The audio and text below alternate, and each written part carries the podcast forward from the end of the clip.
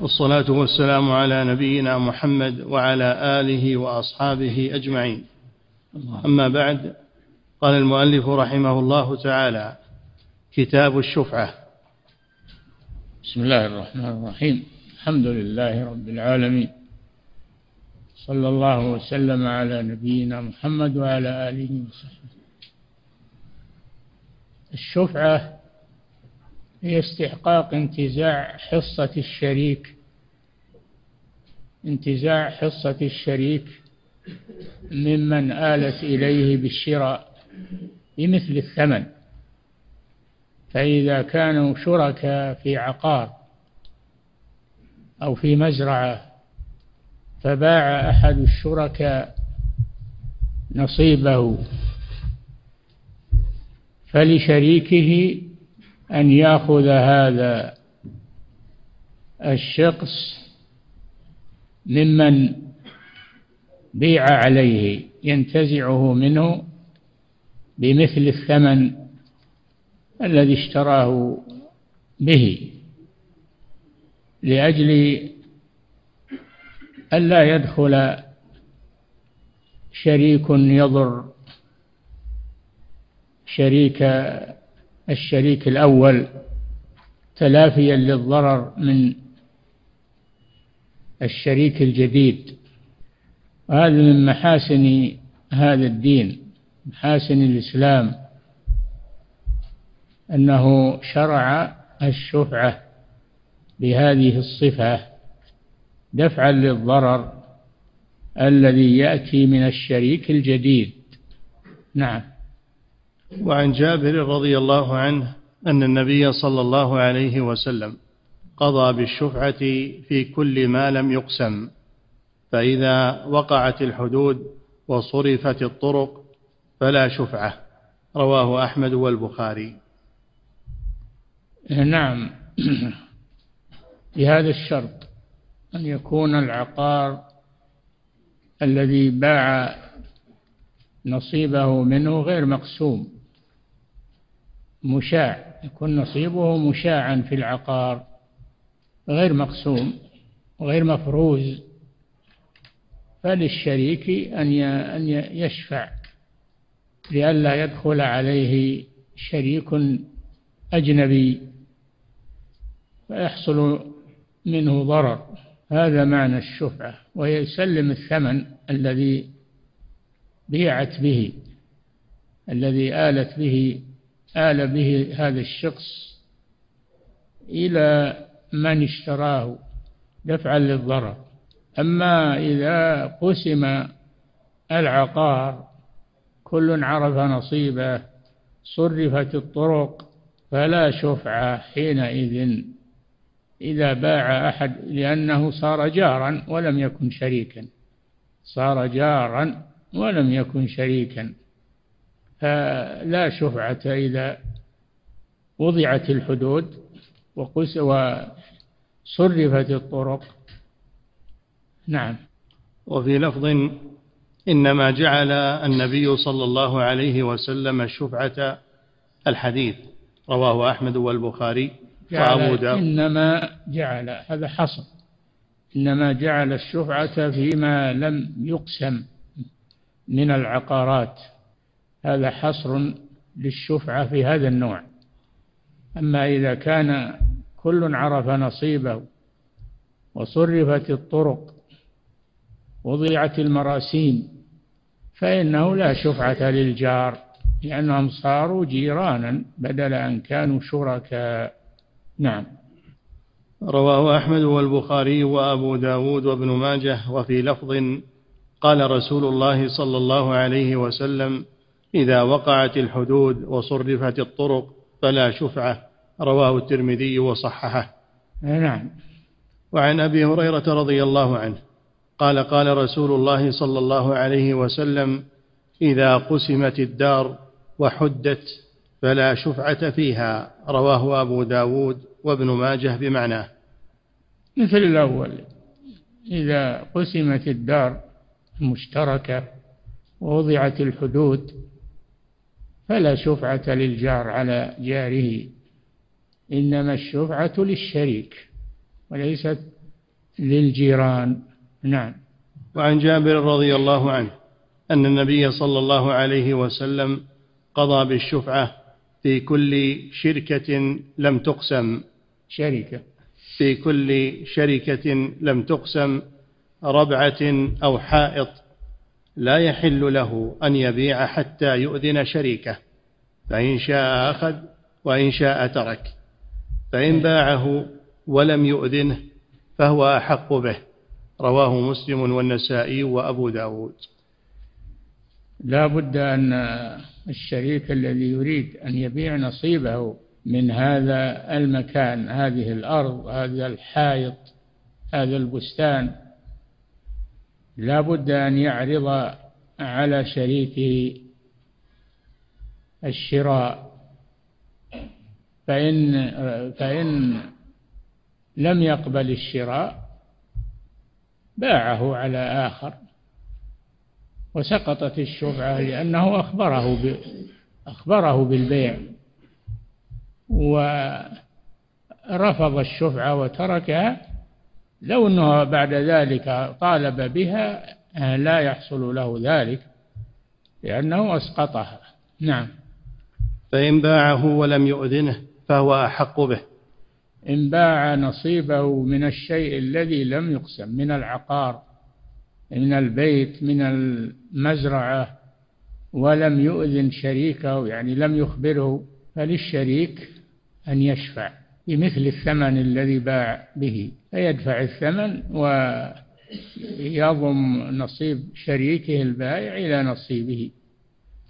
وإن كانوا جماعة فلهم هذا النصيب الذي بيع على قدر أملاكهم. نعم. وعن عبادة بن الصامت رضي الله عنه أن النبي صلى الله عليه وسلم قضى بالشفاعة بين الشركاء. في الأراضين والدور رواه عبد الله بن أحمد في المسند. نعم. في الأراضين والدور الشفعة في الأراضين التي لم تقسم وفي الدور المشتركة المساكن.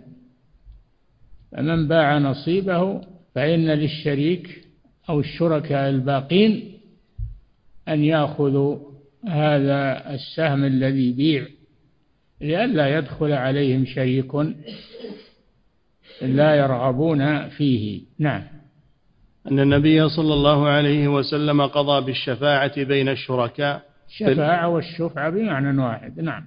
قضى بالشفاعة بين الشركاء في الأراضين والدور رواه عبد الله بن أحمد في المسند. نعم في الأراضين التي لم تقسم والدور المساكن التي لم تقسم.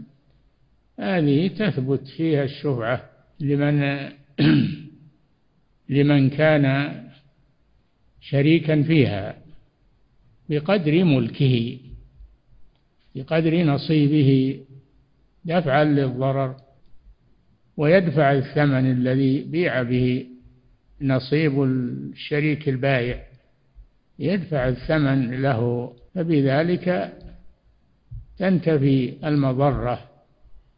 على أصحاب الأملاك. وإذا لم يرغبوا في الشفعة فإن فإن الشخص لمن بيع عليه.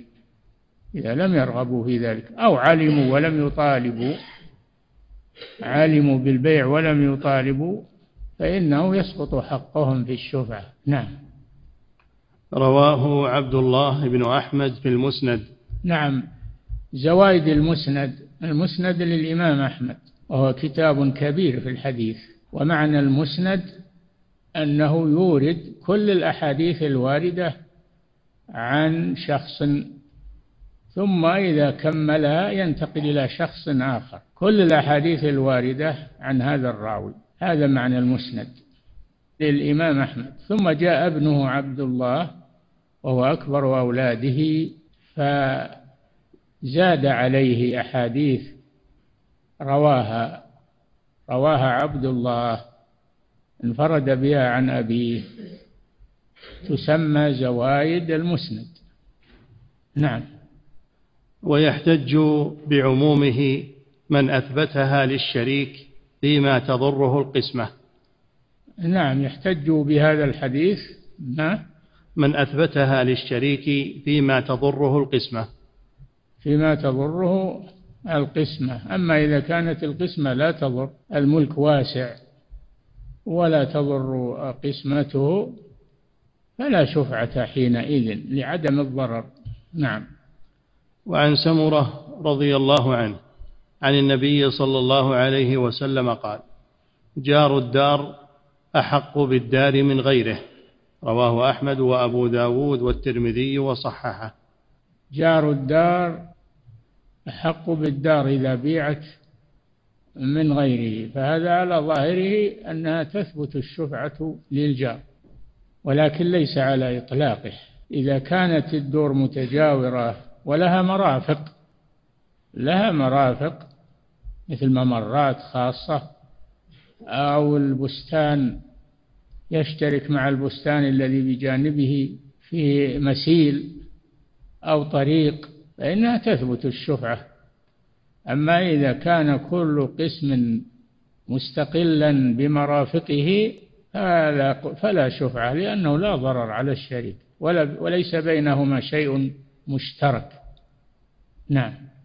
وعن الشريد ابن سويد قال قلت يا رسول الله أرض ليس لأحد فيها شرك ولا قسم إلا الجوار. فقال الجار أحق بسقبه ما كان. رواه أحمد والنسائي وابن ماجه ولابن ماجه مختصر الشريك أحق بسقبه ما كان. بسقبه أي بما جاوره من الأملاك. وهذا كما ذكرنا إذا كان بين الجيران شيء مشترك من طريق مشترك أو مسيل مشترك فإنها تثبت الشفعة للجار دفعا للضرر. أما إذا كان كل قسم مستقلا بمرافقه فلا شفعة للجار حينئذ لعدم الضرر عليه. نعم. وعن عمرو بن الشريد قال وقفت على سعد بن أبي وقاص. فجاء المسور ابن مخرمة ثم جاء أبو رافع مولى النبي صلى الله عليه وسلم فقال يا سعد ابتع مني بيتي في دارك. فقال سعد والله ما أبتاعهما. فقال المسور والله لتبتاعهما. فقال سعد والله ما أزيدك على أربعة آلاف منجمة, منجمة أو مقطعة. قال أبو رافع لقد أعطيت بها خمسمائة دينار ولولا أني سمعت النبي صلى الله عليه وسلم يقول الجار أحق بسقبه ما أعطيتكها بأربعة آلاف وأنا أعطى بها خمسمائة دينار فأعطاها إياه. رواه البخاري. نعم هذا فيه الجار حق بصقبه يعني بما قرب منه من أراضي أو بيوت الجيران لكن ليس على إطلاقه إنما تثبت الشفعة للجيران إذا كان يجمعهما مرفق عام كطريق خاص لهم أو مسيل آه، ترتوي منه مزارعهم فتثبت الشفعة للجار لارتباط بعضهم ببعض في المرافق. أما إذا كان كل قسم من العقار مستقلا بمرافقه فلا شفعة للجار حينئذ لعدم الضرر. نعم. ومعنى الخبر والله أعلم. ومعنى؟ ومعنى الخبر. هذا الخبر يعني. نعم. ومعنى الخبر والله أعلم. إنما هو الحث على عرض المبيع قبل البيع على الجار وتقديمه على غيره من الزبون. كما فهمه الراوي فإنه أعرف بما سمع. كما سمع كما كما فهمه الراوي فإنه أعرف كما فهمه الراوي. الراوي نعم.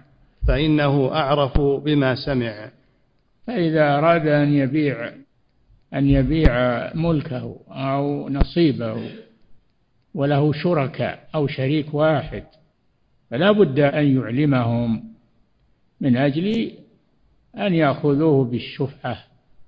فإذا أعلمهم ولم يطالبوا بالشفعة سقط حقهم بها لأنه أخبرهم ولم يطالبوا بها. فلو طالبوا بها بعد ذلك ليس لهم شيء لأنه سقط حقهم. والشفعة كما في الحديث كحل العقال يعني لا بد أن يبادر بالمطالبة بها. فإن توانى وعلم علم بها علم بالبيع وتوانى بطلب الشفعة فليس له شيء لأنه لأنه فرط في حقه. نعم. وعن عبد الملك ابن أبي سليمان عن عطاء عن جابر رضي الله عنه قال قال النبي صلى الله عليه وسلم الجار أحق بشفعة جاره ينتظر بها وإن كان غائبا إذا كان طريقهما واحدا. أي بهذا الشرط.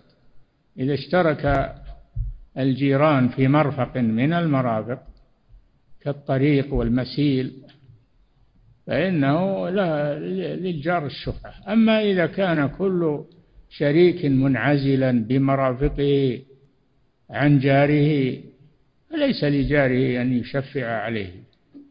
نعم. ينتظر بها وإن كان غائبا إذا كان طريقهما واحدا. بهذا الشرط. إذا كان يشتركان في مرفق من المرافق. هذا الحديث يبين الأحاديث السابقة أنها ليست على إطلاقها فلا شفعة للجار إلا إذا كان مشتركا مع جاره في مرفق من المرافق. نعم. رواه الخمسة إلا النسائي. رواه الخمسة. الخمسة هم السنن الأربع والمسند مسند الإمام أحمد. هذه الخمسة. نعم. رواه الخمسة إلا النسائي. وعبد الملك النسائي من أصحاب السنن الأربع. نعم. وعبد الملك هذا ثقة مأمون لكن قد أنكر عليه هذا الحديث.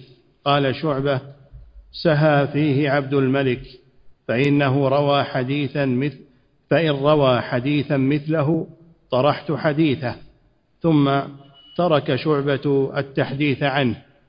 وقال أحمد هذا الحديث منكر. وقال ابن معين لم يروه غير عبد الملك وقد أنكروه عليه. قلت ويقوي ضعفه رواية جابر الصحيحة المشهورة المذكورة في أول الباب وهي قضى بالشفعة في كل ما لم يقسم فإذا وقعت الحدود وصرف وصرفت الطرق فلا شفعة. أي نعم لأن ظاهر هذا الحديث أنها ولو وضعت الحدود وصرفت الطرق ولكن هذا غير صحيح. إذا صرفت الطرق ورسمت المراسيم وأقيمت الحدود صاروا جيرانا وليسوا وليسوا شركاء فلا شفعة للجار على جاره. نعم. كتاب اللقطة. اللقطة هي المال الضائع الذي ضاع من صاحبه. فإذا كانت هذه اللقطة شيء يسير كالحبل والعصا ونحو ذلك فهذه لا قيمة لها يأخذها من وجدها وهي له خذها من وجدها وهي له. أما إذا كانت ذات قيمة لها قيمة في عند أوساط الناس فهذه هي اللقطة. من وجدها فلا بد أن ينادي عليها من نادي عليها من ضاع له من ضاع له شيء من ضاع له مال ينادي عليها. فإذا تقدم أحد ووصفها وصف اللقطة بما ينطبق عليها فإنها تدفع إليه. نعم. عن جابر رضي الله عنه قال رخص لنا النبي صلى الله عليه وسلم في العصا والسوط والحبل وأشباهه يلتقطه الرجل ينتفع به رواه أبو داود. نعم هذه الأشياء لا تعتبر لقطة لأنها لا قيمة لها مثل العصا والحبل وما أشبه ذلك. من وجدها يأخذها وينتفع بها. نعم. وعن أنس رضي الله عنه أن النبي صلى الله عليه وسلم مر بتمرة في الطريق فقال لولا أني أخاف أن تكون من الصدقة لأكلتها. أخرجه. هذا دليل على أن الشيء الذي لا قيمة له أنه يأخذه من وجده مثل التمرة. النبي صلى الله عليه وسلم مر على تمرة ساقطة في الطريق فقال لو أني أخشى أن تكون من الصدقة لأكلتها. لأن الصدقة حرمت على الرسول صلى الله عليه وسلم. حرمت عليه الصدقة لأنها أوساخ أموال الناس. لا تجوز الزكاة لرسول الله صلى الله عليه وسلم ولا لأهل بيته. وهذا دليل على أن الشيء اليسير حتى التمرة الواحدة إذا كانت مما ينتفع به فهي لواجدها من وجدها يأكلها وليست لقطة لأنها لا قيمة لها. لكن الرسول تورع عنها خشية أن تكون من الصدقة. نعم. وغير الرسول مباح له ذلك.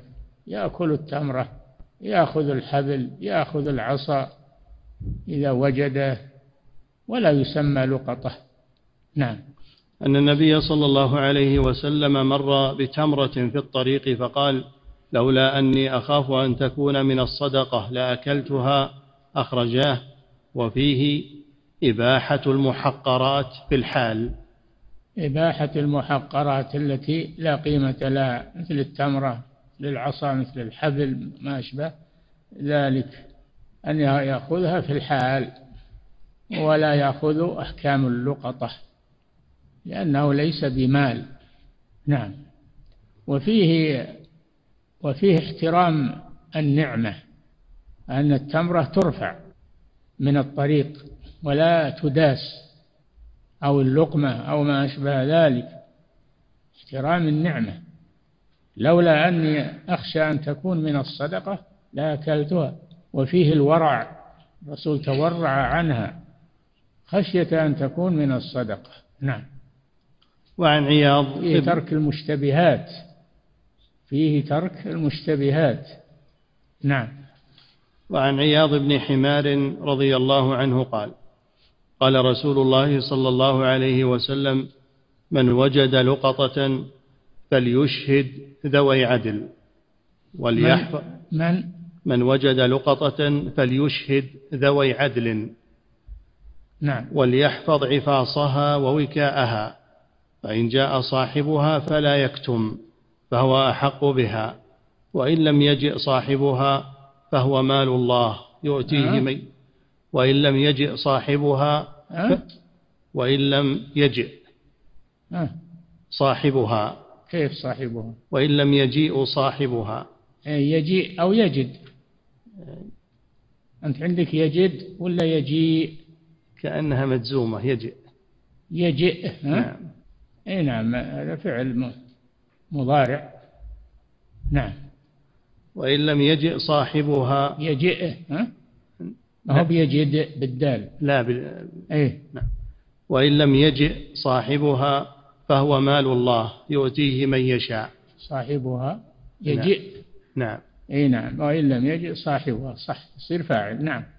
وإن لم يجئ صاحبها فهو مال الله يؤتيه من يشاء. رواه أحمد وابن ماجه.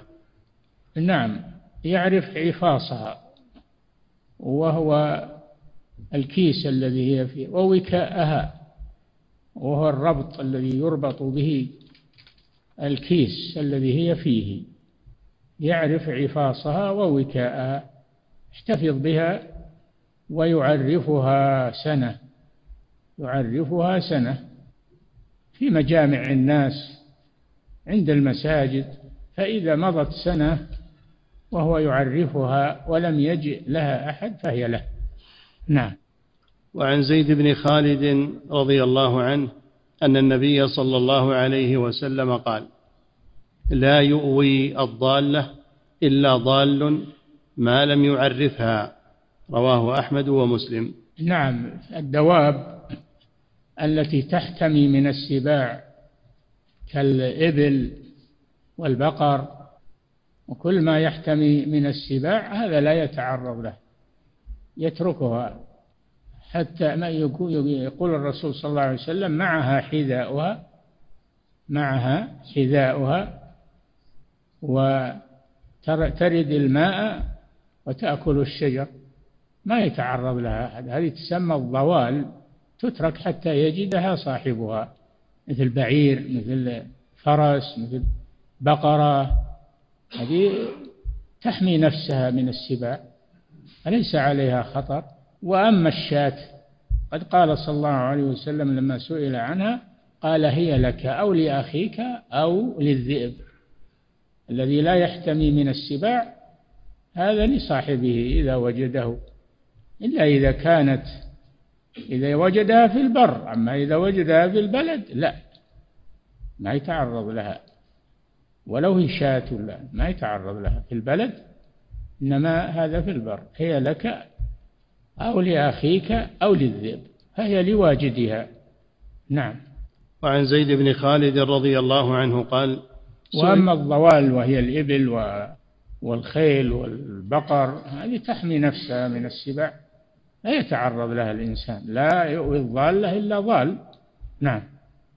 وعن زيد بن خالد رضي الله عنه قال سئل النبي صلى الله عليه وسلم عن اللقطة الذهب والورق. فقال الذهب والورق الورق يعني الفضة. نعم. فقال اعرف وكاءها وعفاصها. اعرف وكاءها وكاءها الحبل الذي تربط به يربط به الكيس.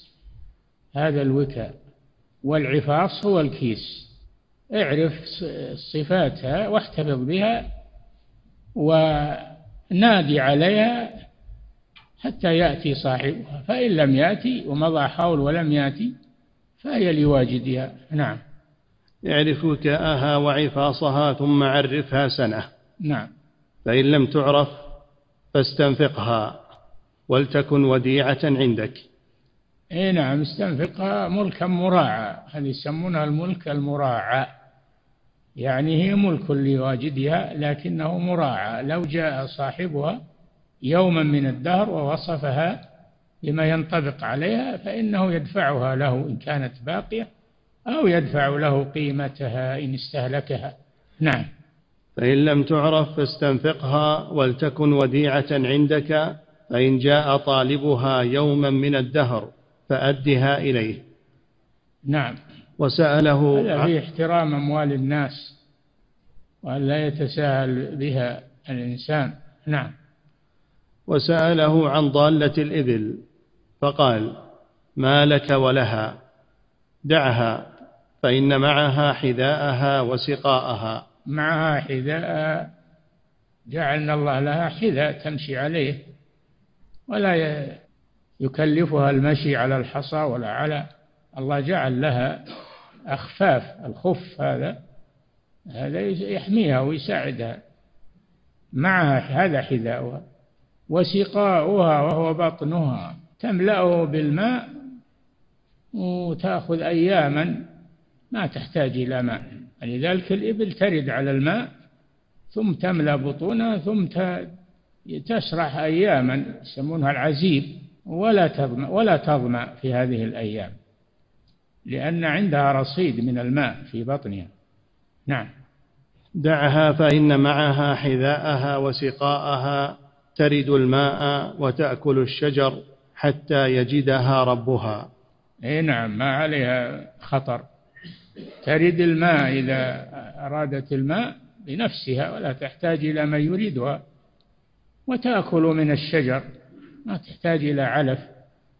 فهي مستغنية ليست بحاجة إلى من يحافظ عليها هي محفوظة. نعم. وسأله عن الشاة فقال خذها فإنما هي لك أو لأخيك أو للذئب. متفق عليه. هذا إذا كانت في البر الشاة اللي في البر أما اللي في البلد لا. نعم. فإنما هي لك أو لأخيك أو للذئب متفق عليه ولم يقل أحمد فيه الذهب أو الورق وهو وهو صريح في التقاط الغنم. نعم. وفي رواية فإن جاء صاحبها فعرف عفاصها وعددها ووكاءها فأعطه, فأعطه إياها فأعطه إياه وإلا فهي لك. رواه مسلم. نعم. وهو دليل على دخوله في ملكه وإن لم يقصد. نعم. إذا تمت السنة وهو ينشدها دخلت في ملكه.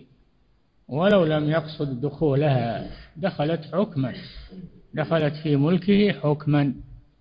هو أولى بها لأنه وجدها. نعم. وعن أبي بن كعب رضي الله عنه في حديث اللقطة أن النبي صلى الله عليه وسلم قال عرفها.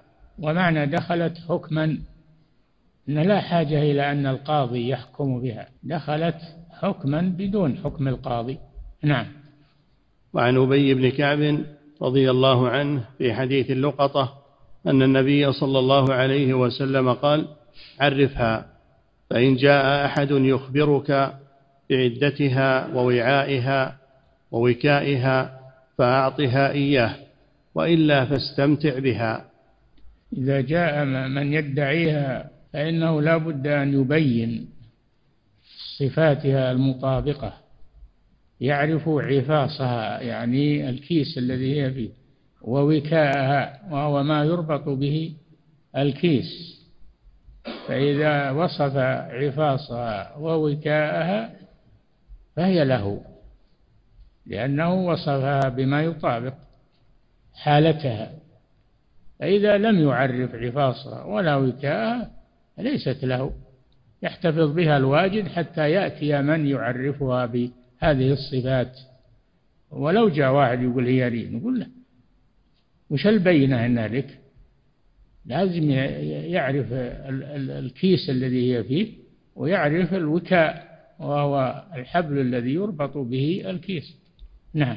مختصر من حديث أحمد ومسلم والترمذي وهو دليل وجوب الدفع بالصفة. إي نعم. إذا وصف وعرف عفاصها ووكاءها تدفع له بدون حكم قاضي. بدون حكم القاضي. نعم. وعن عبد الرحمن بن عثمان قال نهى النبي صلى الله عليه وسلم عن لقطة عن لقطة الحاج. رواه أحمد ومسلم.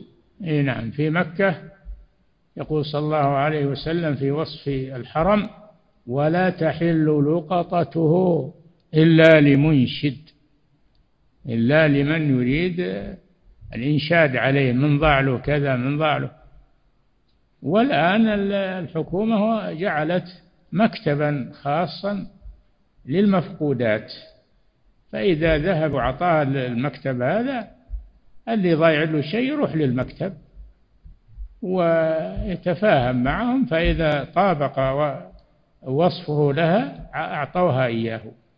نعم. نهى النبي صلى الله عليه وسلم عن لقطة الحاج رواه أحمد ومسلم. وقد سبق قوله في بلد مكة ولا تحل لقطتها إلا لمعرف. أي نعم من يريد أن يعرفها حتى يجد صاحبها وإلا اتركها في مكانها. اتركها في مكانها. نعم. واحتج بهما من قال لا تملك لقطة الحرم بحال بل تعرف أبدا. إي نعم وواضح أن أنه ما, ما يملكها حتى ولو مضى عليها سنة ما يملكها. لا تحل لقطتها إلا لمنشد يعني مكة. المشرفة. نعم.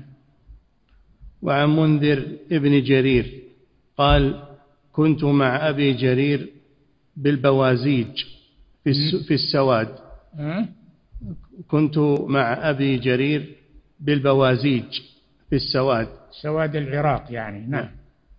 فراحت البقر فرأى بقرة أنكرها فقال ما هذه البقرة؟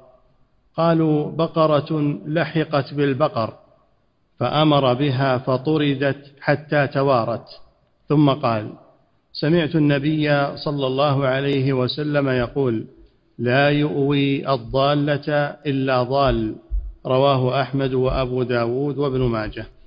لأن البقرة تحمي نفسها من الذئب فلا يتعرض لها أحد. إذا ضاعت لا يتعرض لها أحد. تسمى ضالة. وليست لقطة. نعم. ولمالك في الموطأ عن أبي شهاب قال كانت ضوال الإبل في زمن عمر بن الخطاب إبلا مؤبلة تتناتج لا يمسكها أحد حتى إذا كان عثمان أمر بمعرفتها ثم تباع فإذا جاء صاحبها أعطي ثمنها. نعم قضى عمر رضي الله عنه أنها لا الضوال لا يتعرض لها لا يتعرض لها تترك حتى يجدها صاحبها. وهذا ظاهر الحديث. فلما جاءت خلافة عثمان رضي الله عنه رأى أنها تباع ويحتفظ بثمنها. فإذا جاء صاحبها ووصفها دفعت القيمة دفعت له القيمة. هذا قضاء عثمان وهو من الخلفاء الراشدين رضي الله عنهم. نعم. كتاب الهبة والهدية. يكفي. فضيلة الشيخ وفقكم الله. هذا سائل يقول هل يحق لي أن أشفع في أرض جار لي التي بجانب بيتي؟ إذا كان بينكما مرفق من المرافق فلك الشفعة أما إذا كان ليس بينكما مرفق مشترك ليس لك شفعة نعم. فضيلة الشيخ وفقكم الله هذا سائل يقول هل يأثم الشريك إذا باع نصيبه لغير شريكه؟ وهل من حق الشريك أن يرفع الأمر للقضاء لأجل المطالبة بالشفعة إيش؟ هل يأثم الشريك إذا باع نصيبه لغير شريكه؟ وهل من حق الشريك أن يرفع الأمر للقضاء للمطالبة بالشفعة؟ أي نعم يعلن لشريكه أنه سيبيع أنه سيبيع نصيبه المشترك مع غيره لأنه له حق الشفعة ولا يكتم عليه ذلك. ما يكتم عليه ذلك ليسقط حقه بل يبين له أنا أريد البيع. يخبره بأنه يريد البيع. نعم. فضيلة الشيخ وفقكم الله هذا سائل يقول هل الشفعة لها مدة محددة للمطالبة بها أم أنها مستمرة متى ما أراد طلبها؟ لا إذا علم بها ولم يطالب بها سقطت. إذا علم بالبيع ولم يطالب بالشفعة سقطت شفعته.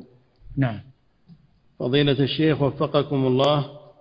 هذا سائل يقول هل الصدقة تعطى لبني هاشم بنية الخمس لحديث بريرة هو لك صدقة ولنا هدية؟ هل إيش؟ هل الصدقة تعطى لبني هاشم بنية الخمس؟ لا. اللي يعطيهم الخمس هو ولي الأمر. ما هو بعموم الناس. اللي يعطيهم الخمس هو ولي الأمر. نعم. فضيلة الشيخ وفقكم الله هذا سائل يقول إذا وجدت شاة في البر هل يلزم أن أعرفها أم أنني آخذها مباشرة دون تعريف؟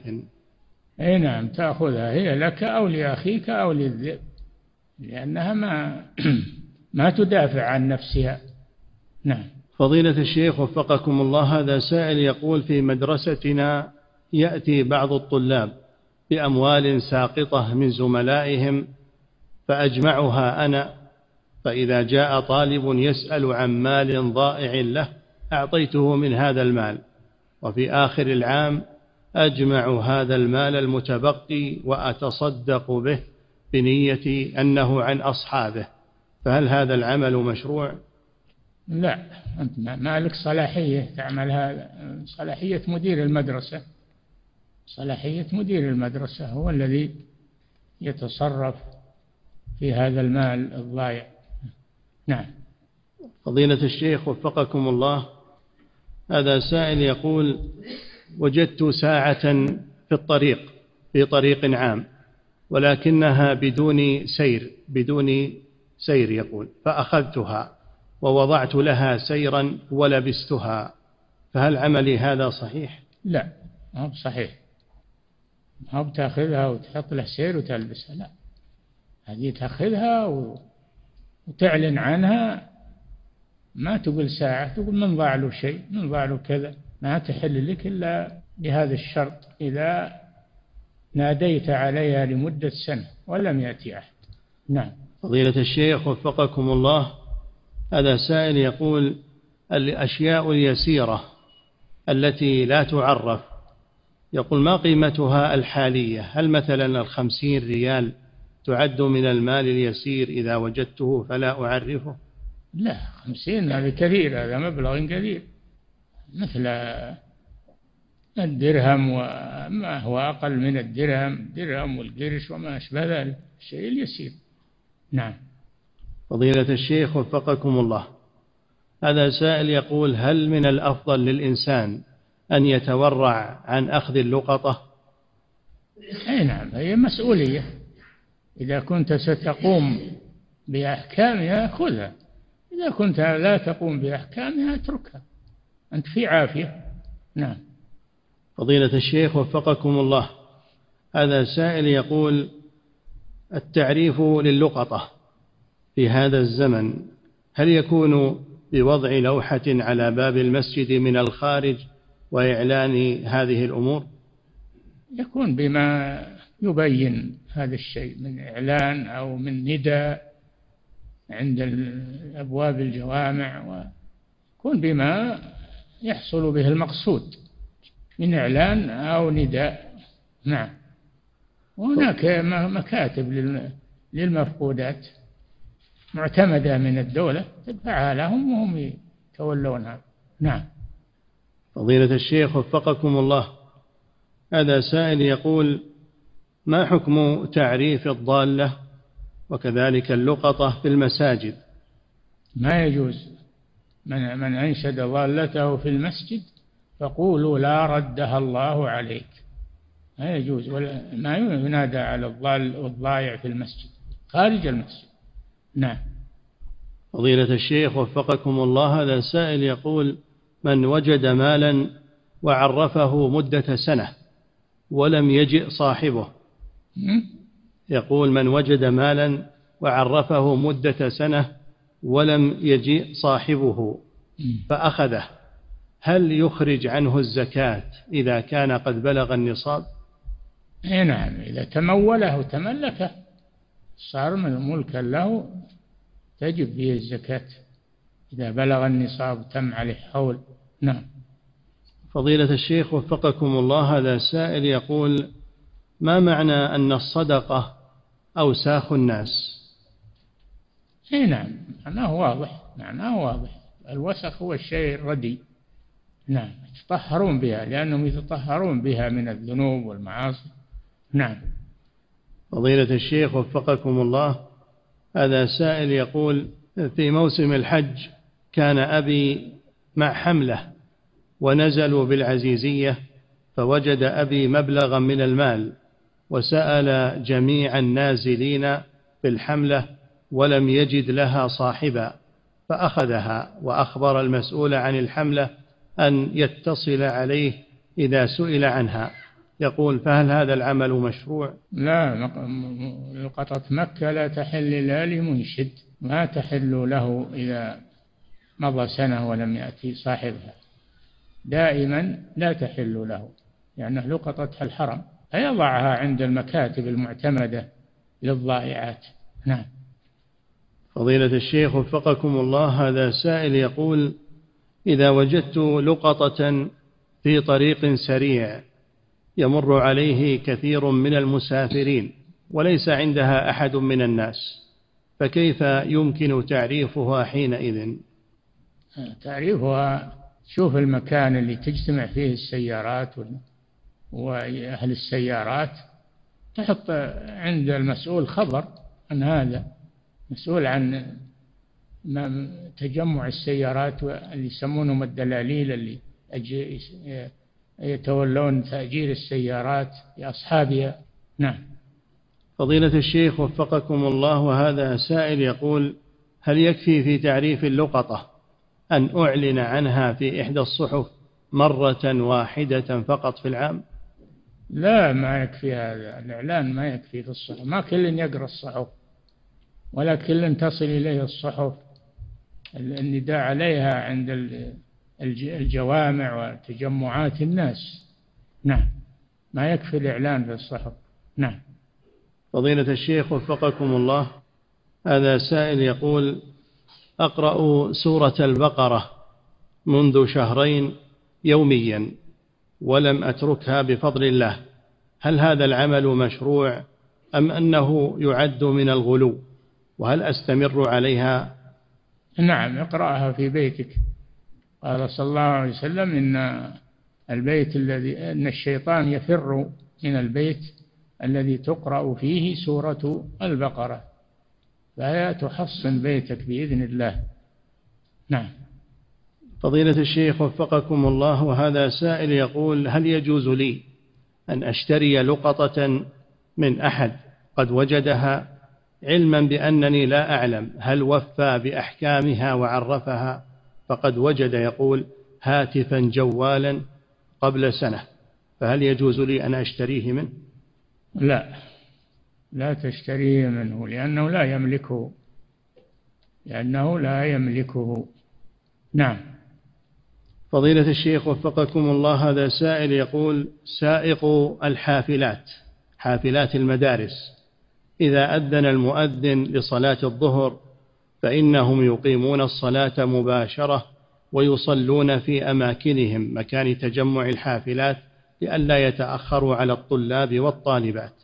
ما حكم هذا العمل؟ لا بأس بذلك. لا بأس بذلك. الحاجة تدعو إلى هذا. نعم. فضيلة الشيخ وفقكم الله هذا سائل يقول الابتلاء يكون بسبب الذنوب والمعاصي فهل يكون الابتلاء أيضا واقعا على الصالحين؟ لقول النبي صلى الله عليه وسلم أشد الناس بلاء الأنبياء ثم الذين يلونهم. نعم الابتلاء يعم الابتلاء يعم الصالحين ومن دونهم اختبرهم الله ويبتليهم. نعم.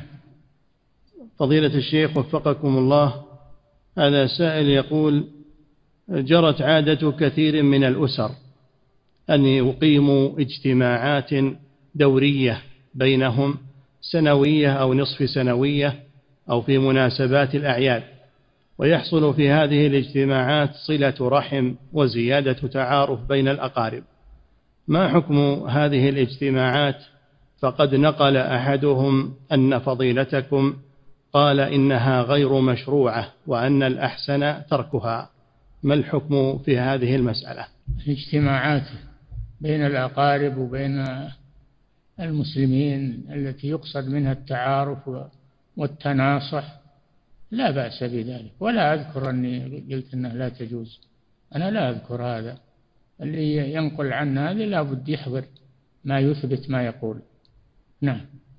فضيلة الشيخ وفقكم الله هذا سائل يقول في بلدي وبعد صلاة الفجر يجلس المصلون في حلقة ويقرؤون جزءا من القرآن باستمرار. فهل يجوز هذا العمل؟ كيف؟ في بلدي وبعد صلاة الفجر يجلس المصلون في حلقة ويقرؤون جزءا من القرآن. هل يجوز هذا الفعل وهو عمل يومي؟ لا بأس به. من تدارس القرآن. هذا من تدارس القرآن. فيه خير. نعم. فضيلة الشيخ وفقكم الله هذا سائل يقول هل يجوز لي أن أهدي الكافر هدية كعطر مثلا لا بأس بذلك. لا بأس بالهدية للمسلم وللكافر. نعم. فضيلة الشيخ وفقكم الله هذا سائل يقول ما حكم لبس الحرير للرجال؟ يجوز للعاهة إذا احتاج إلى لبسه لأن فيه عاهة فيه جرب فيه حكة فلا بأس أن يلبسه. وأما إذا لم يكن به حاجة فهو حرام عليه. نعم. فضيلة الشيخ وفقكم الله وهذا سائل يقول ما حكم تعلم وتعليم القاعدة النورانية؟ مع العلم أنها تطبق على كلمات من القرآن. القاعدة إيش؟ النورانية يقول. ما أعرفها وش القاعدة النورانية؟ نعم. فضيلة الشيخ وفقكم الله هذا سائل يقول ما حكم التوسع في الأمور المباحة؟ وأمور الرفاهية هل هي مما يقسي القلب؟ لم من الإسراف المبالغة في المأكولات والمشروبات والملبوسات هذا يعتبر من الإسراف. والذين إذا أنفقوا لم يسرفوا ولم يقتروا وكان بين ذلك قواما بين الإسراف والتبذير وبين البخل. نعم. فضيلة الشيخ وفقكم الله. هذا سائل يقول أعاني من فتور في حفظ القرآن وفي أداء العبادات فما هو العلاج الشرعي في هذه الأمور؟ عود نفسك على هذا ثم بعد ذلك تألفه يسهل عليك بإذن الله. نعم. فضيلة الشيخ وفقكم الله وهذا سائل يقول متى يشرع الجمع في المطر وهل الجمع في المطر سنة أو هو أمر مباح؟ رخص الجمع رخصة. الجمع لأجل المطر رخصة شرعية. والمطر المراد به المطر الذي يبل الثياب. أو يكون هناك وحل بينه وبين المسجد مستنقعات وطين. هذا الذي يبيح الجمع. نعم.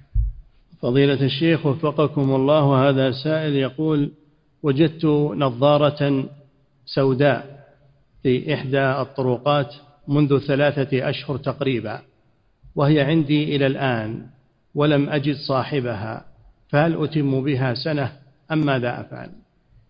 ما قيمتها ما لها قيمة النظارة ما لها قيمة.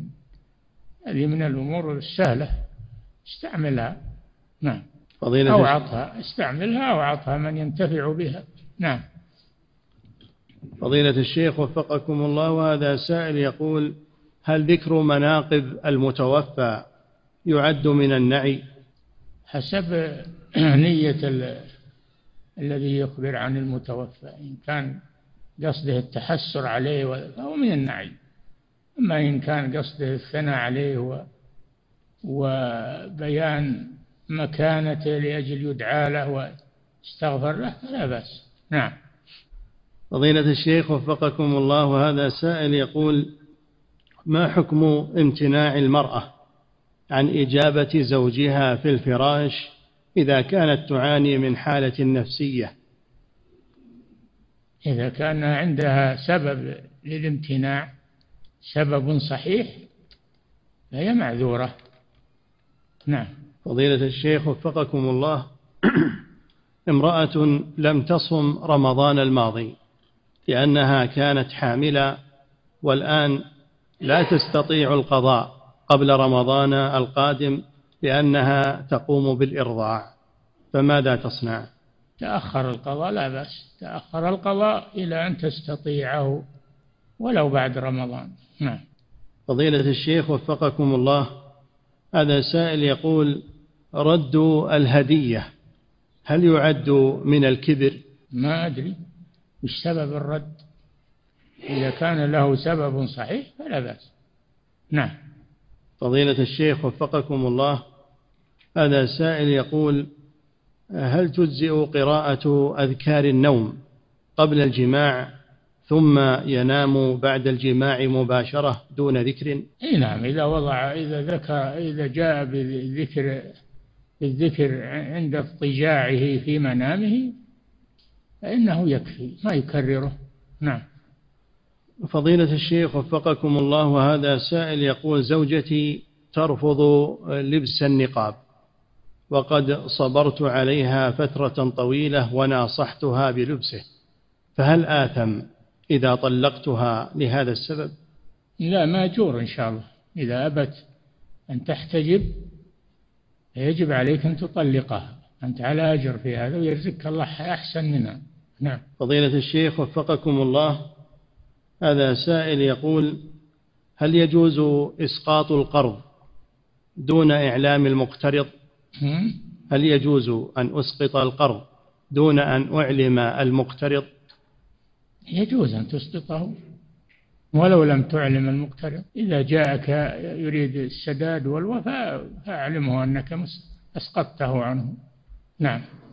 ثم رعاك الله يسأل يقول وإذا رفض الإسقاط فهل يحق لي بعد ذلك أن آخذه منه؟ إذا رفض الإسقاط إيش؟ فهل يحق لي بعد ذلك أن آخذه منه؟ إسقاط إيش؟ إسقاط القرض. ها؟ القرض. إذا رفض الإسقاط. يعني سامحه. سامحه لكن المدين ما يرضى بالمسامحة. نعم. يبي يدفع القرض. ها؟ اي نعم. خذه وتصدق به. نعم. فضيلة الشيخ وفقكم الله. هذا سائل يقول الصدقة عن الميت هل هي أمر مشروع؟ وهل يصله أجرها؟ بلا شك إذا تقبلها الله وكانت من مال طيب فهي تنفع الميت بإذن الله تنفع الميت بإذن الله الصدقة عنه والحج عنه والعمرة والدعاء له. كل هذه تلحق الميت وتنفعه إذا تقبلها الله. نعم. فضيلة الشيخ وفقكم الله هذا السائل يقول هل صحيح أن النبي صلى الله عليه وسلم يكتب له أجور جميع أمته؟ نعم. يكتب للرسول صلى الله عليه وسلم مثل أجر من عمل العمل الصالح. كل ما من عمل عملا مما جاء به الرسول صلى الله عليه وسلم من الأعمال الصالحة فإن الرسول يؤجر عليه. له مثل أجر العامل. نعم. لأنه هو الذي دله عليه. نعم. شرعه له. نعم. فضيلة الشيخ وفقكم الله هذا سائل يقول الطالب الذي يدرس في معهد تعليم اللغة العربية هل يمكنه إذا سافر إلى بلده في الإجازة أن يلقي بعض الكلمات التي تدعو إلى التوحيد مما تعلمه من علماء هذا البلد؟ وله الأجر في ذلك هذا شيء طيب وجزاه الله خيرا. نعم ولينذروا قومهم إذا رجعوا إليهم لعلهم يحذرون. نعم. فضيلة الشيخ وفقكم الله هذا سائل من فرنسا يقول لدينا مسجد في فرنسا منحرف عن القبلة بمقدار 42 درجة. هل يجوز أو هل تجوز الصلاة فيه علما بأنه لا يوجد مسجد آخر في هذه القرية؟ صلوا فيه ما دام الانحراف لا يخرجكم عن القبلة صلوا فيه. نعم.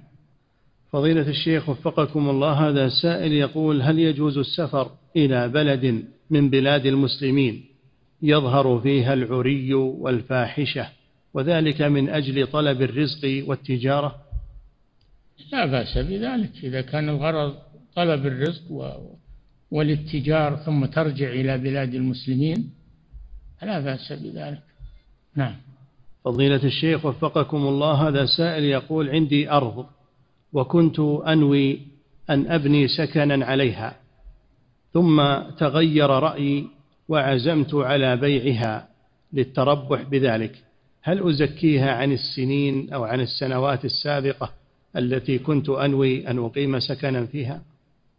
لا ما ما فيها زكاة في تلك السنين التي تنوي فيها إقامة سكن عليها. إنما يبدأ حول الزكاة من نية البيع. إذا نويتها للبيع فمن بداية نيتك إلى أن يتم عليها الحول. هذا الذي تجب زكاته. نعم. فضيلة الشيخ وفقكم الله هذا سائل يقول أنا مبلط وأحيانا بعض الزبائن يطلب مني أن أضع بلاطا على الجدران فيه زخرفة أو صورة للكعبة أو صور لذوات الأرحام لذوات الأرواح. هل هذا العمل جائز ومشروع؟ لا ما يجوز ما يجوز تعليق الصور صور ذوات الأرواح على الجدران. هذا محرم. نعم. فضيلة الشيخ وفقكم الله وهذا السائل يقول رجل حج وخلع أو نوى الحج وبعدما أحرم خلع الإحرام. بعدما تجاوز الميقات ثم لبسه عندما وصل إلى مكة. هل عليه شيء في ذلك؟ علما بأنه قد رجع إلى بلده. خلعه وش سبب خلعه؟ وما خلع النية ما ترك النية إنما خلع ملابس الإحرام ولبس المخيط. وش السبب؟ يجي يمر من عند الشرطة أو من يمنعونه فإنه يفدي في هذه الحالة. خير بين إطعام مساكين أو كسوتهم أو صيام ثلاثة أيام. نعم. فضيلة الشيخ وفقكم الله هذا سائل يقول الصلاة على رسول الله صلى الله عليه وسلم بصورة جماعية أعقاب الصلوات هل هو أمر مشروع؟ هذا مبتدع. صورة جماعية هذا مبتدع. ما هي؟ الأذكار ما تكون جماعية. تكون الأذكار فرادية. نعم. فضيلة الشيخ وفقكم الله. إذا سقط من مصل شيئا في المسجد إذا سقط من مصل شيئا شيء في المسجد كمفتاح السيارة مثلا ثم سألني وأنا في المسجد هل رأيت مفتاح سيارتي؟ وأنا قد رأيته. هل أقول له هذا الدعاء لا ردها الله عليك أم أنني أدله عليه؟ لا أخبره أن هذا ما يجوز. أخبره أن هذا لا يجوز ولا تعود لمثل هذا. إذا أردت تسأل خلك وراء باب المسجد. نعم. فضيلة الشيخ وفقكم الله هذا سائل يقول بعض أئمة المساجد إذا وجدوا نقودا أو أشياء ثمينة في المسجد فإنهم يضعون لوحة داخل المسجد يعلنون فيها عن هذه المفقودات. فهل هذا العمل مشروع؟ ما تكون داخل المسجد اللوحة تكون خارج المسجد. ولا يجوز أن يحط إعلانات في المسجد. نعم. فضيلة الشيخ وفقكم الله هذا سائل يقول ظهرت عادة عند بعض المسلمين في هذه الأيام وهي استقبال عزاء ميتهم في المسجد الذي سيصلى على ميتهم فيه فيضعون كراسي داخل المسجد ويستقبلون المعزين الذين يأتون إليهم.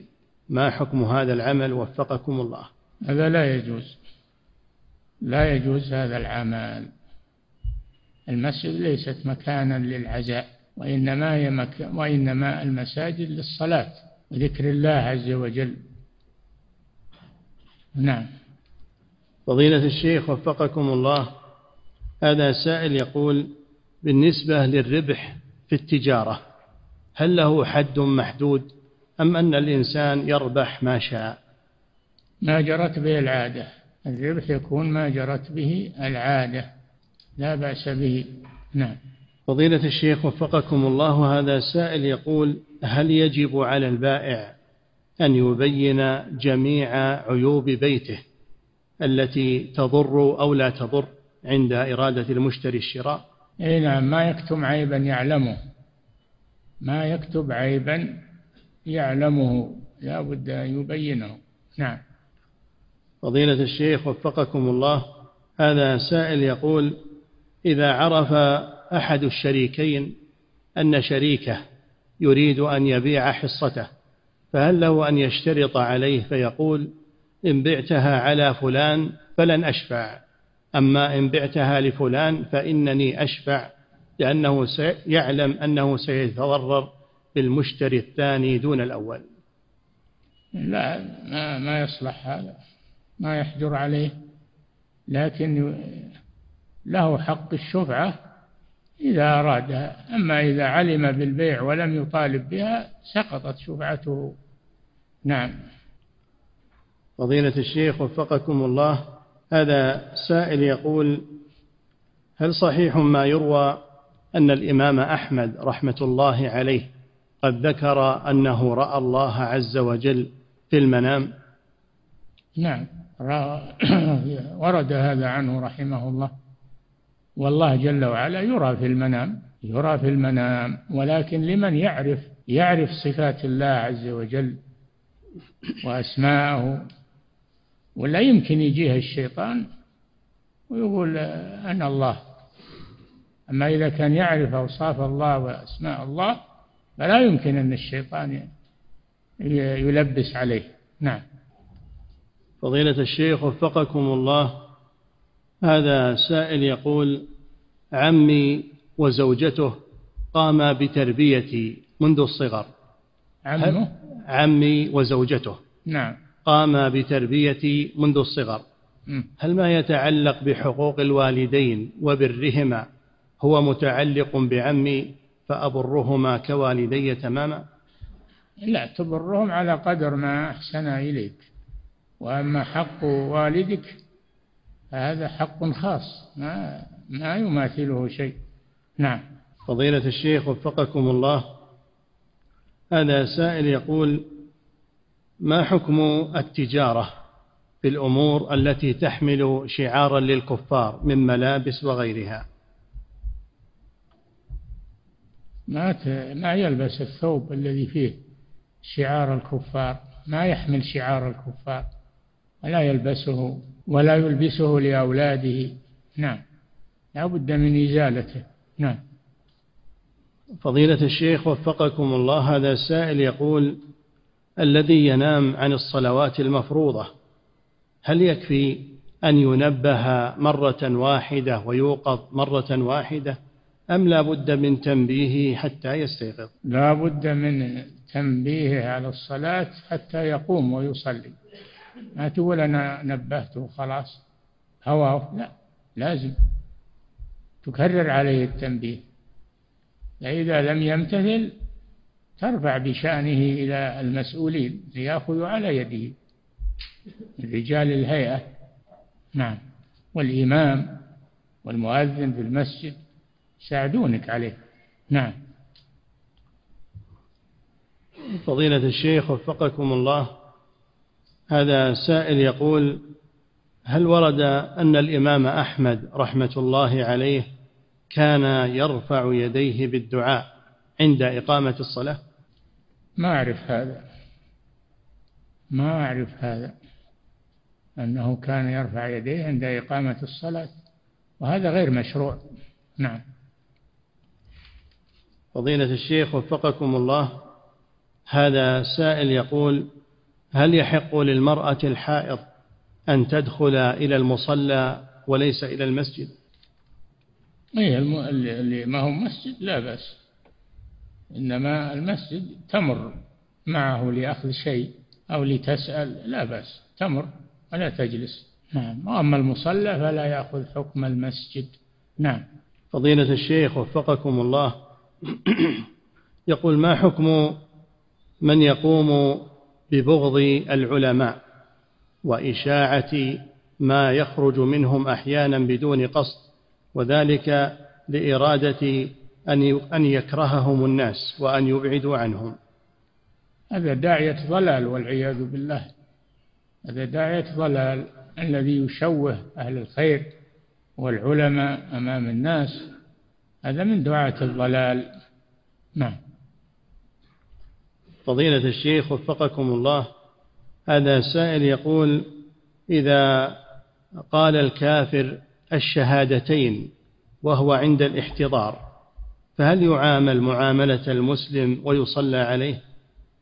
إذا بلغت الروح الحلقوم فلا يقبل منه إسلام ولا يقبل منه شهادة. كل يتوب عند الاحتضار لكن ما يقبل منه. إن الله يقبل توبة العبد ما لم يغرغر يعني تبلغ روحه الغرغرة. حينئذ لا يقبل منه توبة. نعم. فضيلة الشيخ وفقكم الله هذا سائل من خارج هذه البلاد يقول في بلادنا الدراسة مختلطة بين البنين والبنات والمدرسين والمدرسات في جميع المراحل. ما الواجب علي تجاه أبنائي وبناتي في هذا البلد؟ شوف المركز الإسلامي. والمسلمون والجاليات يجعلون لهم مدارس خاصة. هذا المعروف أن الجاليات المسلمة يجعلون لهم مدارس خاصة والمراكز الإسلامية. نعم. فضيلة الشيخ وفقكم الله هذا سائل يقول أنا أقوم بعمل البرامج الإلكترونية وأنا متخصص في هذا فهل يجوز لي أن أعمل برنامجا تستعمله شركة تقوم بالبيوع الربوية؟ لا هذا من الإعانة على الإثم والعدوان ولا تساعدهم على البيوع الربوية. نعم. فضيلة الشيخ وفقكم الله هذا سائل يقول هل يشرع شراء المصاحف ثم وضعها في المساجد بنية أنها عن الوالد المتوفى؟ نعم لا بأس بذلك. شيء طيب أقول شيء طيب. هذا ثوابه إن شاء الله يصل إلى الوالد. نعم. فضيلة الشيخ وفقكم الله هذا سائل يقول هل صحيح أن الصدقة يوم الجمعة أفضل من غيرها من الأيام؟ لا أعرف هذا. الصدقة وقت الحاجة يوم جمعة أو غير يوم جمعة وقت الحاجة. نعم.